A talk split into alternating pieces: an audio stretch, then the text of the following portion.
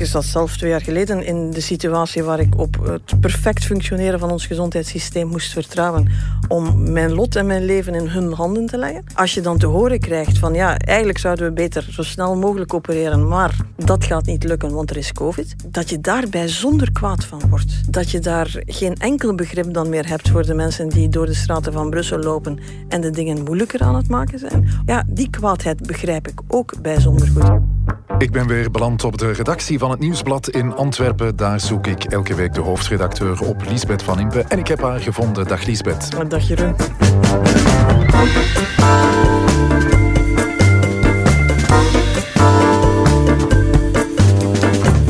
Een goed glas en een paar interessante onderwerpen. Meer hebben wij niet nodig. Ik ben Jeroen Roppe. Dit is het punt van Van Impe.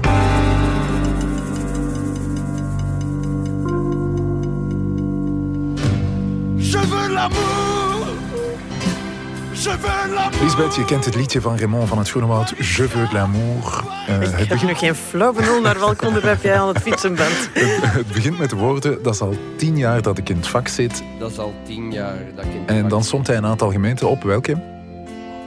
Ik heb gezongen in Was het? Inderdaad. Ja, en ja, de andere is Genoelzelderen. Genoelselderen. Voilà. Daar houden we halt vanavond. Dat is een eh, prachtige deelgemeente van het wondermooie Riemst in Haspengouw. En daar vind je het grootste wijndomein van ons land. De wijn staat al eh, heel lang op de kaarten van veel restaurants in ons land. En toen ik nog niks van Belgische wijn kende, eh, kende ik wel al Genoelselderen. Chardonnay, blauw wordt het eh, vanavond. Het is een hele bekende. Hij is nog altijd een topper als je het mij vraagt hoor. Een van de beste wijnen van ons land. School. Ik ken Genoel Zelderen, ik ken Zwevenzelen ook, dat is mijn hometown. Dus um, dat brengt alles mooi samen vanavond. Helemaal van het Groenewoud, wie had het gedacht? Zeg eens, waar hebben we het over? Uh, ja, we zitten weer in de afleveringen waar we niet rond corona kunnen natuurlijk. Uh, dus we gaan, eens, uh, we gaan het over de betoging hebben hè, van zondag, waarover eh, men maar niet uitgepraat raakt. Ja, de betoging van afgelopen zondag en wat nog straks. En dan gaan we het dus hebben over die federale regering die maar op zijn eigen adem blijft trappen. We hebben het al een paar keer over Georges-Louis Boucher gehad, maar we gaan het toch eens over zijn compaan Paul Magnet moeten hebben. Want Zo. die maakt het leven van Alexander de Croo ook niet makkelijk. Inderdaad. Het punt van Van Impe, de actueel podcast van het Nieuwsblad, vind je elke donderdag op nieuwsblad.be en op de bekende podcastplatformen. Let's go, Lisbeth. We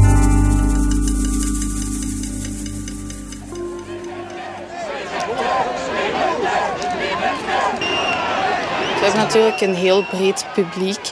Uh, gevaccineerd, ongevaccineerd, van links tot rechts, Walen, Vlamingen.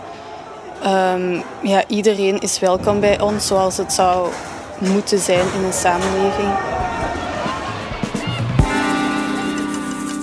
Sarah Meris hoorde je een van de mensen achter de betoging van afgelopen zondag. De betoging tegen de coronamaatregelen. Daar kwamen zo'n 35.000 mensen op af. Veel volk, heel divers ook. Um, het was een beetje van alles uh, dat we zagen rondlopen in de straten van Brussel. Uh, je zou het een bont allegaartje kunnen noemen, Lisbeth. Ja, dat kan je zeker zeggen. Je zag de gezinnen met kinderen, je zag de organisaties, uh, de een al obscuurder dan de ander. We hebben op het ook gezien ook amokmakers die echt gekomen waren om ruzie te maken en de dingen in de vernieling te rijden. Ja, het liep allemaal naast, naast elkaar, zoals je bij grotere betogingen wel vaker ziet natuurlijk. Hè. Ze liepen naast elkaar onder één grote paraplu. En op die paraplu stond: Wij zijn tegen de coronapas. Dat was eigenlijk de noemer. Hè? Ja, dat was eigenlijk ook heel slim gezien van de organisatoren, als je ze zo mag noemen. Het was een heel brede paraplu waar echt alles onder kon.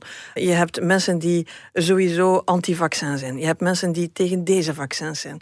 Je hebt mensen die vanuit een rechtse uh, wereldopvatting komen en die vooral uh, tegen het establishment, tegen de overheid, tegen deze Vivaldi-regering zijn, die dat vooral willen laten horen. Maar daar loopt dan ook de mama tussen die meer vanuit een ecologische hoek komt, uh, zegt dat we elkaar allemaal toch graag zouden moeten zien en ons immuunsysteem moeten knuffelen. Uh, je hebt dan extreem linksen die zeggen dat Big Pharma hier heel veel geld aan het verdienen is aan vaccins en dat ze het om die reden niet meer vertrouwen. Uh, ja, het zijn mensen die je doorgaans niet rond één tafel samen kan brengen. Nee, maar die uh, elkaar wel vinden, want ik hoorde je daar het, uh, het woord vertrouwen uh, noemen, die elkaar wel vinden in een wantrouwen, een groot wantrouwen. Hè? Ja, dat is eigenlijk wat de rode draad tussen al die commentaren. Hè. En dat gaat van wantrouwen waarvan je denkt van ja, hier moeten we vooral blijven over discussiëren. Als het gaat, uh, gaat die coronapas ooit nog terug afgeschaft worden? En um, wordt dit allemaal wel voldoende uitgedaagd en, en, en, en is het voldoende wettelijk gegrond, dat soort dingen? Tot de mensen die zeggen van ja, we zijn op weg naar een nieuwe holocaust en jodensterren en noem maar op. Uh, de compleet overtrokken vergelijkingen um, waarvan je toch denkt van ja, dit, dit, dit is toch wel zeer problematisch. Waar kan je die groep nu mee vergelijken? Ik uh, moest uh, spontaan denken aan de bestormers van het uh, Capitool in de Verenigde Staten bijvoorbeeld. Wel, toen het ontspoorde, toen je het geweld zag, kan ik begrijpen dat je daaraan dacht. Alhoewel dat ik bij de bestorming van het Capitool toch um, meer het gevoel had dat de, de ontsporing daar van in het begin eigenlijk al in zat. Die, dat was al een opgezweepte massa die, die helemaal door een politieke agenda um, ja, gemanipuleerd was om, ja. om ja, iets kort en klein te slaan. Ik denk niet dat je dat kon zeggen van de meeste mensen hier. Zou je ze kunnen vergelijken met de gele hesjes, uh, die grote beweging in Frankrijk ontstaan tegen te hoge benzineprijzen? Wel, dat is eigenlijk het, hetgene wat, waar het mij ook deed aan denken. Ik denk dat er mensen rondliepen die misschien aan een eerste betoging ooit toe waren. Ik denk dat uh, daar mensen inderdaad spontaan naartoe getrokken zijn, dat daar woordvoerders te vinden zijn die nooit in hun leven gedacht hadden dat ze woordvoerder van gelijk wat zouden zijn. En daarbij doet het wel wat denken aan die begindagen van de gele hesjes, uh, waar het ook opborrelde. Iedereen wist wel dat daar onvrede over was, over die benzineprijzen. Maar ja, wie zou nu denken dat daar een nationale beweging gaat uh, over ontstaan? Maar dat vindt elkaar, dat klikt aan elkaar, dat krijgt tractie, dat krijgt aandacht. En dan, dan voel je dat er iets in, in beweging komt. Het enige, en ik denk dat dat hier ook een beetje geldt, ga zes maanden later kijken naar de betoging nummer 23 of zo. Um, en dan zie je ja, dat van dat spontaan, uh, nauwelijks georganiseerd protest doorgaans niet veel overblijft. En dat je iets krijgt dat uh, politiek gerecupereerd wordt door degenen die er alle belang bij hebben om het wantrouwen verder aan te, te, te wakkeren. Je zag al hoe Vlaams Belang en de Dries van Langenhovens van deze wereld rond heel die betoging aan het cirkelen waren van wij kunnen hier ons graantje meepikken. Ja. Dan zie je, ja, die eerste betoging zit je al met een stuk ontsporing je moet hier wel opletten dat, ja, dat je dan ook wel kwetsbaar bent voor politieke recuperatie. Dus het, is wel iets wat we in de gaten gaan moeten ja. Het zou een, een, tussenpunt kunnen zijn dat we hier kunnen maken. Het ging om uh, verschillende groepen. Het was een bijzondere diverse optocht die van uh, afgelopen zondag met één grote noemer wantrouwen. En uh, je zag al, je merkte al het, het, begin van de politieke recuperatie. Ja, die cirkelen daar rond en, en, en ze hebben bloed geroken. Hè. Dus uh, je kan de twee tegelijk zijn. Je kan uh, opborrelen uit de basis en het buikgevoel van mensen en mensen samenbrengen die niet georganiseerd zijn. En je kan vatbaar zijn voor recuperatie. En ik denk als het tweede gebeurt, dat je met iets zit wat, wat, ja, wat veel mensen zorgen zal baren. Het punt van Van Impe.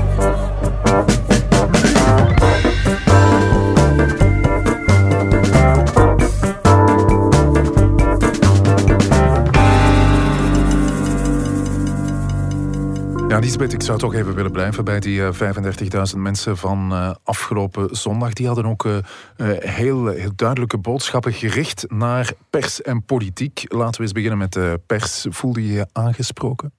Je moet je, denk ik, altijd wel aangesproken voelen. En ze zijn echt niet de enige die, die, die vragen stellen bij hoe de pers omgaat met die coronapandemie. Nogmaals, mijn mailbox zit vol. Uh, met alles trouwens hoor. Uh, we zijn te streng, we zijn te lax, we zijn te pro, we zijn te contra, we volgen de regering te slaafs, we zijn te kritisch. Uh, het zit er allemaal zo'n beetje in. Het is, ik ga daar eerlijk in zijn, het is een gigantische uitdaging om naar al die verschillende invalshoeken te blijven luisteren. Proberen toch altijd weer te detecteren van ja, waar moeten we bijsturen? Wat, wat laten we te weinig aan bod komen? Ik kan je nu al zeggen, dus perfecte oplossingen zijn er niet. Hè. We hebben onder andere, ik denk een week geleden, uh, wilden we in de zorg een aantal mensen gaan zoeken die zeggen ik laat mij niet vaccineren, ja. ondanks het feit dat dat mij mijn job kan kosten. Je laat drie mensen aan het woord die met heel verschillende beweegredenen komen. Binnen de kortste keren heb je hier ook een discussie van ja, moeten we die nu eigenlijk wel aan het woord laten? en, en zijn er mensen die zeggen van ja, maar ja, daar moet je nu toch als groot medium geen platform aan geven. Omgekeerd krijg je de hele tijd de mensen die zeggen van ja, maar ik hoor die andere geluiden niet meer. Mijn eigen mening zie ik niet gerepresenteerd. Ja, want dat hoor je vaak. Er komen altijd dezelfde stemmen aan, aan bod. Hè. Je hoort altijd dezelfde wetenschappers bijvoorbeeld. Eh, steeds maar uh, de Van Ransten van deze wereld die worden opgevoerd. Het is nog altijd zeer moeilijk om naast Mark Van Rans te kijken. En ik vermoed dat dat nog een tijdje zo zal blijven. Alhoewel dat je ziet dat heel veel media intussen toch geprobeerd hebben om toch ook wat breder te gaan kijken. Uh, andere mensen aan het woord te laten komen. Ik denk dat het wel belangrijk is om te begrijpen dat er wel een heel fundamenteel onderscheid is. Um, over wenselijkheid van een coronapas, daar ga je je hele leven kunnen over discussiëren. Daar is geen juist of fout over de wenselijkheid van een volgende lockdown daar, en, en het nut ervan, daar kun je tot het einde van je dagen over discussiëren. Niemand kan hier zeggen van jij hebt gelijk, jij hebt ongelijk. Dat geldt natuurlijk niet voor alles. Er zijn een aantal dingen die we gewoon feiten noemen. Uh, de mate waarin de vaccins werken. De mate waarin uh, ook deze golf afgetopt wordt door ja, het feit dat... die dat in twijfel trekt, uh, het, de mate waarin een vaccin werkt, daar moet je voorzichtig mee zijn ja. met die aan het woord te laten. En, dat is wat je zegt. En als ik dan zie van ja, waarom voeren jullie deze niet vaker op? dan zijn dat altijd weer dezelfde namen die passeren. Dan denk ik van ja, dat zijn net degenen die we op een bepaald moment aan het woord gelaten hebben die dingen zijn binnen vertellen die manifest onjuist zijn. Uh, en waarvan je zegt, van, ja, daar gaan we nu echt geen forum aan geven. Dat, je hebt diezelfde discussie soms met klimaatwetenschappers. Hè? Je moet alle meningen aan bod laten komen. Alsof het een soort van grote ballenbak is waar dat we maar uittrekken en alles moet eens passeren. Ja, dus ook de ontkenners. Ook de ontkenners. Uh, en dan moet je blijkbaar vergeten dat 99,99% van de klimaatwetenschappers hetzelfde zeggen. Je moet toch nog altijd die ene gaan zoeken en gaan opvoeren die zegt van uh, ja, maar ja, ik geloof het toch al zo niet. Uh, ja, dat is niet onze taak. Dat vind ik ook. Het is echt onze taak om te gaan kijken van ja, degene die hier een statement doet, eh, weet hij waarover dat hij aan het spreken is? gaat hij, stoelt hij zich op, op feiten, data, wetenschap? En vallen daar niet heel makkelijk gaten in te schieten. Ik voel mij totaal niet schuldig dat degenen die niet aan die criteria beantwoorden, bij ons niet in de krant geraken. Wat niet betekent dat je blijft ja, aan mensen vragen waarom, dat je probeert te begrijpen, dat je probeert de dialoog gaande te houden. En ja, er zijn ook momenten geweest, eerlijk waar, waar we blind geweest zijn voor een aantal dingen. Hè. We zijn begonnen met lockdowns uit te leggen. Het heeft langer geduurd voordat we ook de vraag gesteld hebben van ja, betaal we hier toch ook geen prijs die misschien niet meer in verhouding staat tot wat het oplevert. Dat soort kritische vragen, ja, die moet je als pers ook wel blijven stellen, maar nooit tegen de feiten in. Dat is uh, hoe jij daar als hoofdredacteur mee omgaat. Hoe moet de politiek hiermee omgaan, Lisbeth?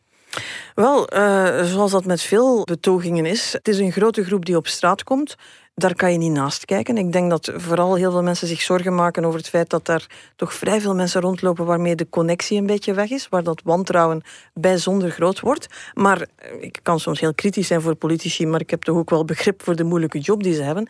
Je mag ook niet vergeten dat naast die 35.000 betogers er een hele pak mensen zitten die eigenlijk zitten te wachten op een uitnodiging voor een derde prik, die heel plichtsbewust, solidair met de hele samenleving zullen gaan halen. Zelfs als ze misschien nog met twijfels zitten of denken van ja, goh, dat is ook een hele grote groep. Ik was zelfs als je nu vraagt, waar was je echt verrast door? Vorige week hadden wij een peiling gedaan, waarbij we peilden naar het draagvlak bij mensen voor verregaande maatregelen, lockdowns, dergelijke dingen meer. En dan zie je, mensen vinden het niet leuk, ze kijken er tegenop. Ze zijn misschien zelfs kwaad op politici dat we weer op het punt zitten dat we daarover aan het discussiëren zijn.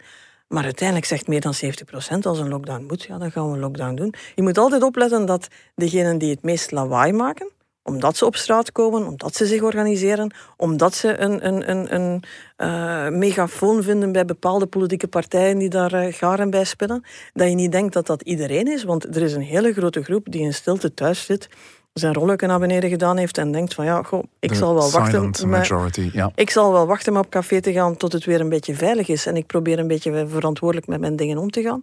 De politiek moet dat allemaal met elkaar zien te verzoenen. Dat lijkt mij vandaag een bijna onmogelijke opdracht. Ja, je hoort dan uh, vaak zeggen: blijf naar elkaar luisteren, blijf uh, zoveel mogelijk uh, praten. Ik vind dat soms een moeilijke. Um, als het gaat over voor of tegen coronapas, zoals ik al zei, daar is geen juist of fout. Daar, daar, het is niet alleen dat je daar kan blijven over discussiëren. Je moet daar zelfs blijven over discussiëren. En een van de punten die ik al een paar keer gemaakt heb, we doen dat bijvoorbeeld veel te weinig in ons parlement, wat toch de verkozenen des volks zijn. Daar zou het debat moeten gevoerd worden. Het wordt daar altijd een beetje ja, stiefmoederlijk behandeld. Dat zet je niet zomaar buitenspel. We doen het toch en we doen dat eigenlijk een beetje op eigen risico. Ik maak mij geen enkele illusie. Het is niet dat, dat de betogers gaan zeggen van oké, het parlement heeft een uh, debat georganiseerd, ik ga lekker thuis blijven, want nu voel ik mij gerepresenteerd. Dat is niet het geval, maar het zou eigenlijk in een democratie de plek moeten zijn waar je dat debat wel aan het voeren bent. Maar goed, dat doen we een beetje op eigen risico. Ik begin het wel moeilijker te krijgen met de mensen die gewoon stalhard, omdat ze, en nu ben ik zo met mijn handen zo van die bewegingen aan het maken. Ja, je maakt air, aanhalingstekens in de lucht. Ja, inderdaad. Die eigen onderzoek gedaan hebben, uh, die uh, intussen amateur-virologen zijn, die alle mogelijke onzin aan het beweren zijn, niet vatbaar zijn voor, voor uh, andere argumenten. En die, laten we ook eerlijk zijn, wel zeggen dat we elkaar allemaal graag moeten zien, maar een beetje blind blijven voor de gevolgen van hun eigen keuzes ik ben ook zeer vatbaar, en je zal begrijpen waarom, voor de oproep die Chris van den Abelen, VRT-journalist, doet. Ja, die heeft uh, kanker en een operatie wordt uitgesteld omdat de agenda's uh, zijn volgeboekt wegens corona. Ik verneem dat de helft van de COVID-patiënten op intensieve zorgen niet gevaccineerd is. 50% van de beschikbare bedden op intensieve zorgen wordt bezet door een minderheid van 10% van de bevolking. Dat is een feit dat statistisch vaststaat. Daarom heb ik een vraag aan al wie zich niet heeft laten of zich niet wil laten vaccineren. Namelijk, beseft u dat u deel uitmaakt van een groep die er verantwoordelijk voor is dat mijn behandeling en die van talloze andere patiënten moet worden uitgesteld? En beseft u dat dat, sorry voor de dramatiek, voor mij en hen een kwestie van leven of dood kan zijn? Ik zat zelf twee jaar geleden in, in de situatie waar ik op het perfect functioneren van ons gezondheidssysteem moest vertrouwen om, om, er, om mijn lot en mijn leven in hun handen te leggen. Um, als je dan te horen krijgt van ja, eigenlijk zouden we beter zo snel mogelijk opereren, maar dat gaat niet lukken, want er is COVID. Um, dat je daarbij zonder kwaad van wordt dat je daar geen enkel begrip dan meer hebt voor de mensen die door de straten van Brussel lopen en de dingen moeilijker aan het maken zijn, of die niet vatbaar zijn voor uh, wetenschappelijke argumenten en wetenschappelijke bewijzen, die denken dat ze het zelf gaan uitzoeken. Ja, die kwaadheid begrijp ik ook bijzonder goed. Ja, en die, de, die voel ik zelfs voor een stuk bij mezelf. De oproep van uh, Chris van den Abelen beseft dat dit uh, voor mij een kwestie van leven of dood is. Jouw punt, Lisbeth, het punt van Van Impe, laat zoveel mogelijk klokken luiden. Uh, laat uh, zoveel mogelijk mensen aan het woord. Hou het debat uh, levendig. Maar hou je ook aan de feiten en aan de wetenschap. Ja, en daar zie je dat een, een, een, een geen grote groep, maar een, een, een redelijke groep, uh, daar niet meer vatbaar voor is. En dat doe je dan toch op eigen risico en op eigen verantwoordelijkheid. Daar moet je ook je eigen verantwoordelijkheid voor nemen. En dan mag je niet heel verwonderd zijn dat er mensen zijn die daar heel erg kwaad over worden. Blijven praten, ça va, maar het zal toch een beetje op basis van een gedeelde werkelijkheid moeten zijn. Het punt van Van Impe.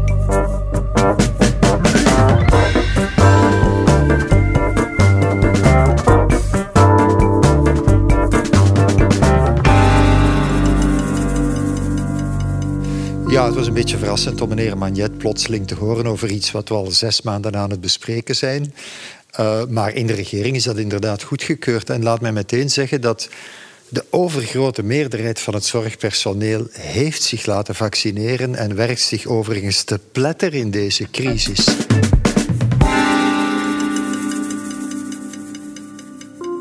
Minister van Volksgezondheid Van den Broeke vond het een beetje verrassend. Uh, de interventie van Paul Magnet, de voorzitter van de PS, de grootste partij in de federale regering. Die heeft ervoor gezorgd uh, dat de kernleden van de regering nog eens uh, 12 of 13 uur moesten vergaderen. 13 uur en een parfum de crise in de wedstrijd. Ja, die zagen we niet komen. En dus het was een beetje verrassend van Frank van den Broeke.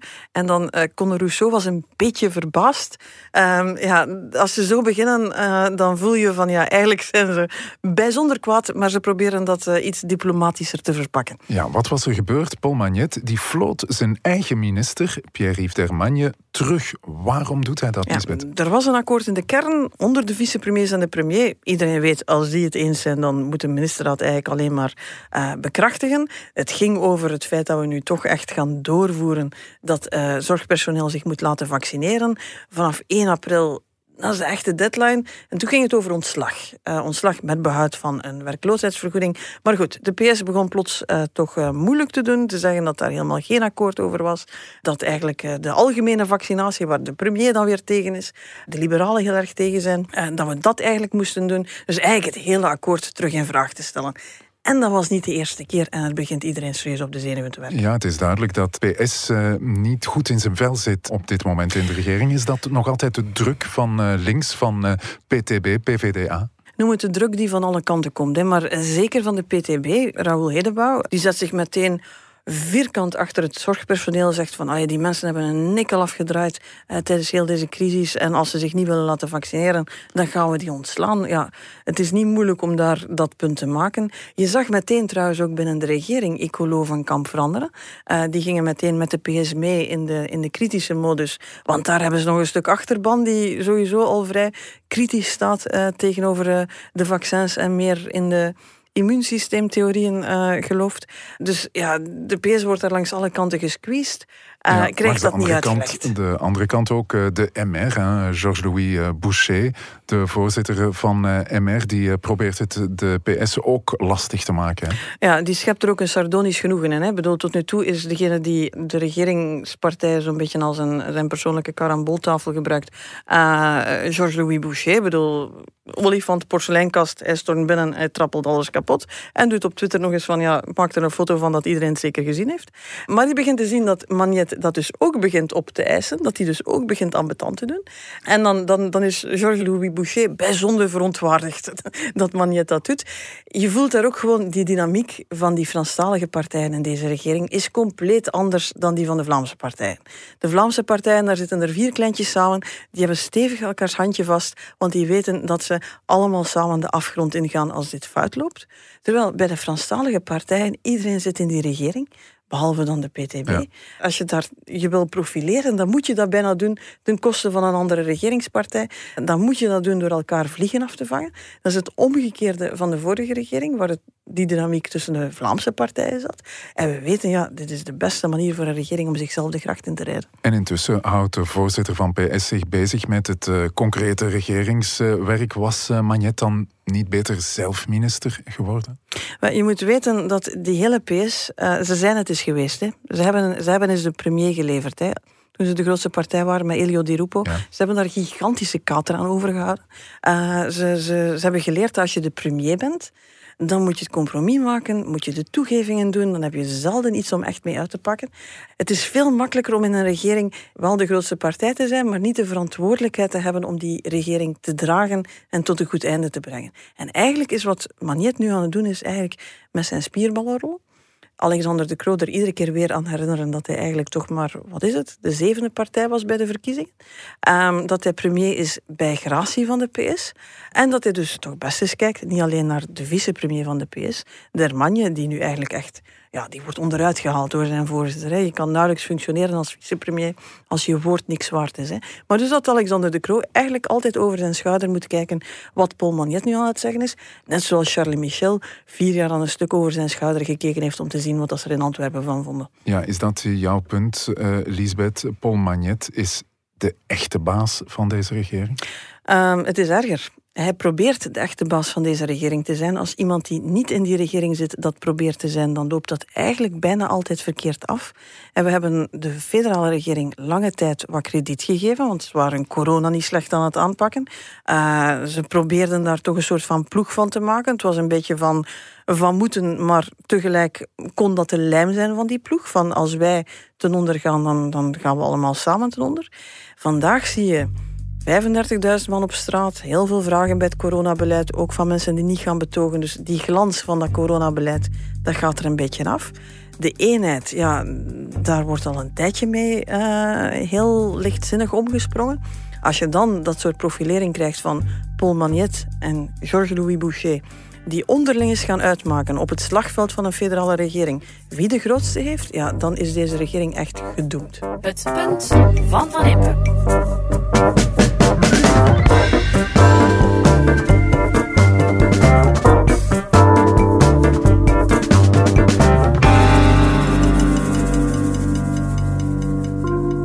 of dat nog niet genoeg ellende is voor onze federale regering, zat ook nog eens onze premier Alexander De Croo in quarantaine. En hij is niet de enige, een pak eh, ministers ook, hè, Lisbeth? Ja, de Franse premier was op bezoek geweest en hij was nog niet buiten of hij eh, testte al eh, positief op corona. Dus iedereen die erbij was, ik denk Vincent van Quickenborne, Annelies Verlinden, Ludivine de Donder, um, Sophie Wilmes, ja, moesten allemaal zich laten testen in quarantaine. Eerste berichten zijn dat, uh, dat het meevalt, dat er geen besmettingen zijn. De Vlaamse regering, daar zijn wel een aantal ministers besmet. Um, Benjamin Dalle. En, uh, en Matthias ook... Ja. Goed, dus die moeten uh, net zoals iedereen uh, van thuis uit werken en vergaderen. dus dat zal wel lukken. Maar ja, goed. De ellende houdt niet op. Betogers in de straten, ruzie in de regering en besmettingsgevaar. Ja, dat wordt afwachten of ze nog met genoeg zullen zijn voor het overlegcomité. Dat is zo'n beetje de hamvraag op dit moment. Hè. Wanneer is het volgende overlegcomité? Officieel januari. Niemand die gelooft dat het zo lang zal duren, want de cijfers evolueren echt wel uh, niet goed. Uh, ik vermoed dat ze hier zullen moeten kijken als het nodig is om het uh, digitaal te doen. We zitten af te wachten. Maar ja, er is zo in de wedstrijd een, een, regel als Jan Jan Bon komt zeggen dat het huis nog niet in brand staat, wat hij vanmorgen gedaan heeft op de radio. Zet de klok dan maar gelijk, dan kan de brandweer beter al beginnen uitrukken. ik denk dat een overlegcomité wel eens heel snel zou kunnen komen. Oké, en ik blijf erbij intussen, uh, Lisbeth, zo'n Chardonnay blauw van uh, Genoelselderen kan smaken. Ik ga je zoals altijd niet tegenspreken. Als je je agenda voor 2022 al hebt, kruis dan zeker het eerste weekend van april aan, want dat is de nieuwe datum voor het podcastfestival van de Standaard. Je kan uh, in die periode ook stemmen voor de Oorkon, dus de prijzen voor de beste podcast en jouw favoriete podcast natuurlijk. We zijn daar genomineerd en ze gaan de nominatie gewoon meenemen. Dus uh, we zullen in april nog eens moeten uh, mobiliseren. Oké, tot volgende week, Lisbeth. Tot het volgende punt van Van.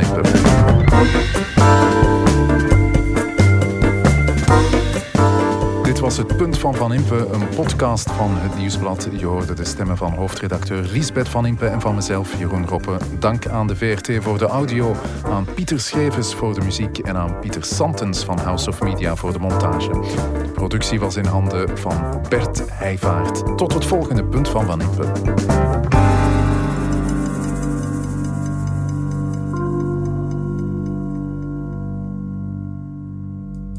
Heb je de andere podcasts van het Nieuwsblad al gehoord? Stemmen van Assise, Slimmer Leven, de sportpodcasts, Shotcast en De Koers is van ons.